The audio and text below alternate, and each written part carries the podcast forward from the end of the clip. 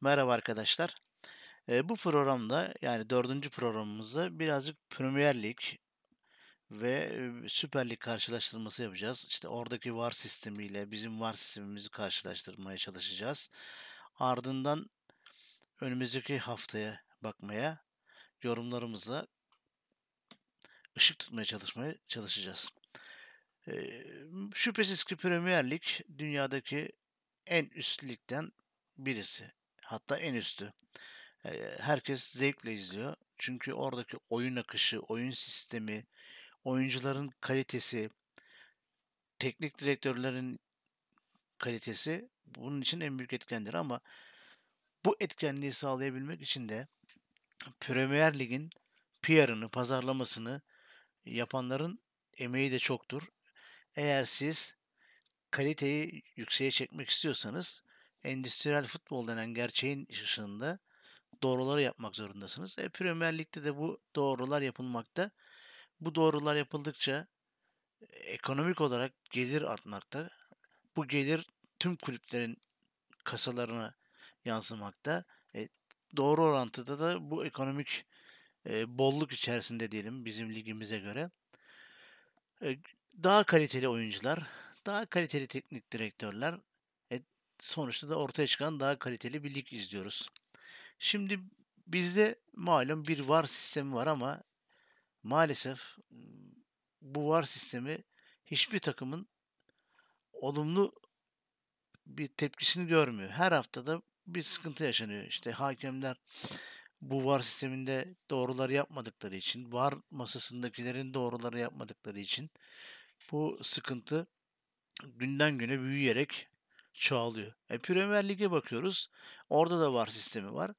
Hakimin oyun içerisindeki o anda pozisyon icabı göremediği ya da psikolojik olarak etkilendiği, doğru karar veremediği anlarda VAR sistemi kararı veriyor.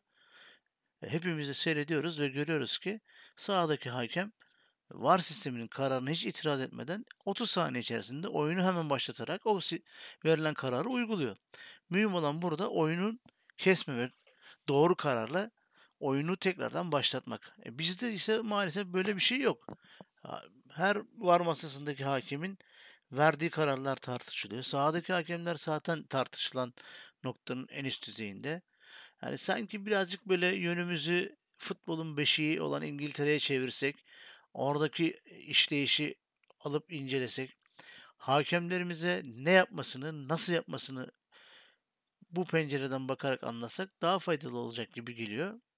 E sonuçta bu lige biçilen bir değer var. Bu değerin karşılığını alamayanlar var. O, seyredilen oyundan zevk alamayan bir büyük topluluk var. E, bu da e, kaliteyi olumsuz olarak etkiliyor. Çünkü eğer siz futbol sever olarak sahadaki bu temaşadan memnun değilseniz, e, seyredilen oyundan keyif almıyorsanız bir dahaki hafta seyretmiyorsunuz ya da işte nedir kombine kart gibi ya da lisanslı ürünler gibi e, kulüplerin bel kemiği maddi anlamda olan şeylere katkıda bulunmuyorsunuz. E, ya da yayıncı kuruluşun e, receiver'larını almıyorsunuz. Bunlar da maddi olarak bizim kulüplerimizin gerilemesini sağlıyor. E, gerileme içerisinde kalite düşüyor. Çünkü çok para kazanamadığınız için, ekonomik durumunuz zaten sıkıntılı olduğu için iyi oyuncuları, iyi futbolcuları, iyi teknik adamları getiremiyorsunuz. E, bu iyi olmayan şeylerin birleşiminde de ortaya çıkan kalitesizlik maalesef futbola yansıyor. Bu futbolun da ekonomisini etkiliyor. E, bunu düzeltmek için çok çabalamamız lazım. Doğruları yapmamız lazım. İşte bu dördüncü programımız. Dördüncü programda da hemen hemen hep aynı şeyleri söylemeye çalışıyorum. E, çünkü endüstriyel futbolda futbolun doğrularını yapmak zorundasınız. Yapmazsanız bu size ekonomik olarak en başta geriye olumsuz dönüş yapar. Şimdi ligimizdeki 5. haftada iki önemli yani 6. haftaya baktığımızda iki önemli karşılaşma öncesinde Fenerbahçe moralli Malatya e, Ankara Gücü karşısında aldığı galibiyetle Galatasaray ise son dakikalarda yediği beraberlik golüyle daha Fenerbahçe'ye göre moralsiz olarak 6. haftaya merhaba diyecek. Yarınki maçlarda ne olur? Yani işte Beşiktaş ve Trabzon ne yapar? Der, onlar da kendi aralarındaki büyük maçta. göreceğiz. Eee, bir artı not belirtelim. Derbi maç denilen şey büyük bir kentin iki büyük takım arasında oynanan maça denir. Yani Galatasaray Fenerbahçe, Galatasaray Beşiktaş, Beşiktaş Fenerbahçe aralarında oynanan maçlar derbidir. Ama Galatasaray Trabzon, Beşiktaş Trabzon ya da Fenerbahçe Trabzon gibi takımların oynadığı maçlara derbi denmez. Bunu bir e, önemli not olarak bir tarafa belirtelim çünkü bunu e, bazen yanılgı içinde düşüyorlar arkadaşlar. Maçları da derbi maç olarak lanse ediyorlar. E şimdi Galatasaray Fenerbahçe maçı öncesinde hani malum bir de yöneticiler düzeyinde bu ego savaşlarından bahsetmiştik. Bu ego savaşları sahaya ne kadar yansıyacak göreceğiz. İnşallah sahadaki futbolcular bu söylemlerden, bu karşılıklı gereksiz atışmalardan etkilenmezler. Yani en azından teknik adamlar futbolcularının bunlardan etkilenmemesi için gerekli çabayı gösterirler. Biz de futbol severleri olarak adına yakışır böyle büyük bir derbi maçını izlemek, sahadaki futboldan keyif almak. Yani sonuç kimin lehine sonuçlanır ya da berabere mi biter bilemeyeceğiz. Futbolun 3 tane sonucu var. Hangisi gerçekleşirse gerçekleşsin. Sadece şunu söyleyelim. Aa evet ya futbol oynandı. Biz de keyif aldık. E, sahadaki futbolcuları da tebrik ediyoruz. Ama bugüne kadar gördük ki Galatasaray Fenerbahçe arasındaki karşılaşmalar hep gerginlik içerisinde oluyor. Yani buna son vermenin e, son verecek daha doğrusu etkenler başta yöneticiler sonra kenardaki teknik direktörler. Keşke biz de aynen Premier Lig'de olduğu gibi teknik adamlarımız, futbolcular maçtan önce bir araya gelseler böyle hoş sohbet ya da maç bittikten sonra o ters bir soğuduktan hafif bir psikolojik e, baskıyı azalttıktan sonra bir oturup maçı böyle ayaküstü konuşsalar ya evet falan işte bu şurada hata oldu falan gibi. Bunlar sanırım kenardan başlayarak tribünlere belki de yönetimlere kadar aksedecek olumlu bir hareket olur. Eee 6. haftanın dedik iki tane önemli karşılaşması var Galatasaray Fenerbahçe, Trabzon Beşiktaş. Fakat e, görüyoruz ki medyamızda, e, yayıncı kuruluşta sanki tek maç varmış. Sadece tek Galatasaray Fenerbahçe oynayacakmış gibi hava yansıtıyorlar. İşte bu da reyting denilen canavarın esiri olmaktır. Bunu maalesef yazılı basın da yapıyor. Görsel basın da yapıyor. Sanki 6. hafta için Galatasaray Fenerbahçe'nin varlığı dışında Beşiktaş ve Trabzon yok sayılmaya çalışılıyor. Bu da unutmasınlar ki sonuçta Trabzon, Beşiktaş önemli camialar, büyük camialar. Türk futboluna renk katan, Avrupa'da Türk futbolu için önemli işler yapan takımlar. Böyle yani yok saymak, arka plan atmak, sadece reyting izlenme oranını, reklam geliri, para kazanmak uğruna bir şeyleri ön plana çıkartmak onlara da zarar verecek, Türk futboluna da zarar verecektir. Dediğimiz gibi bu yanlışlar hep böyle birbiri ar Arap saçı gibi Arkin Koray'ın şarkısında olduğu gibi Arap saçı gibi birbirini sarmalıyor. Beşiktaş bakalım yarın ne yapacak? Beşiktaş'ın Abdullah Avcı ile serüveni çok iyi gitmiyor açıkçası. Buna yönetimin de tabii ki katkısı var. Yani Abdullah Avcı şu an sanki böyle bir sırat köprüsünden geçmek geçiyor durumunda. Yani bu yarınki maçı alırsa, pazartesi günü oynanacak maçı alırsa Beşiktaş birazcık daha bir nefes alacak. Belki bazı şeyleri daha iyi düşünecek, daha rahat düşünecek. Bunu da yarın hep birlikte edeceğiz. Bunu e, önemli eksiklikler var. Özellikle defans bölgesinde. E, Sayın Abdullah Avcı bakalım burada ne gibi önlemler alacak. Bir de e, uzun süreli çalıştığı bir eski takımına karşı oynayacak. Başakşehir'e karşı. E, bu da tabii kendisinde ayrı bir duygusal travma yaratır mı yaratmaz mı bilmiyoruz.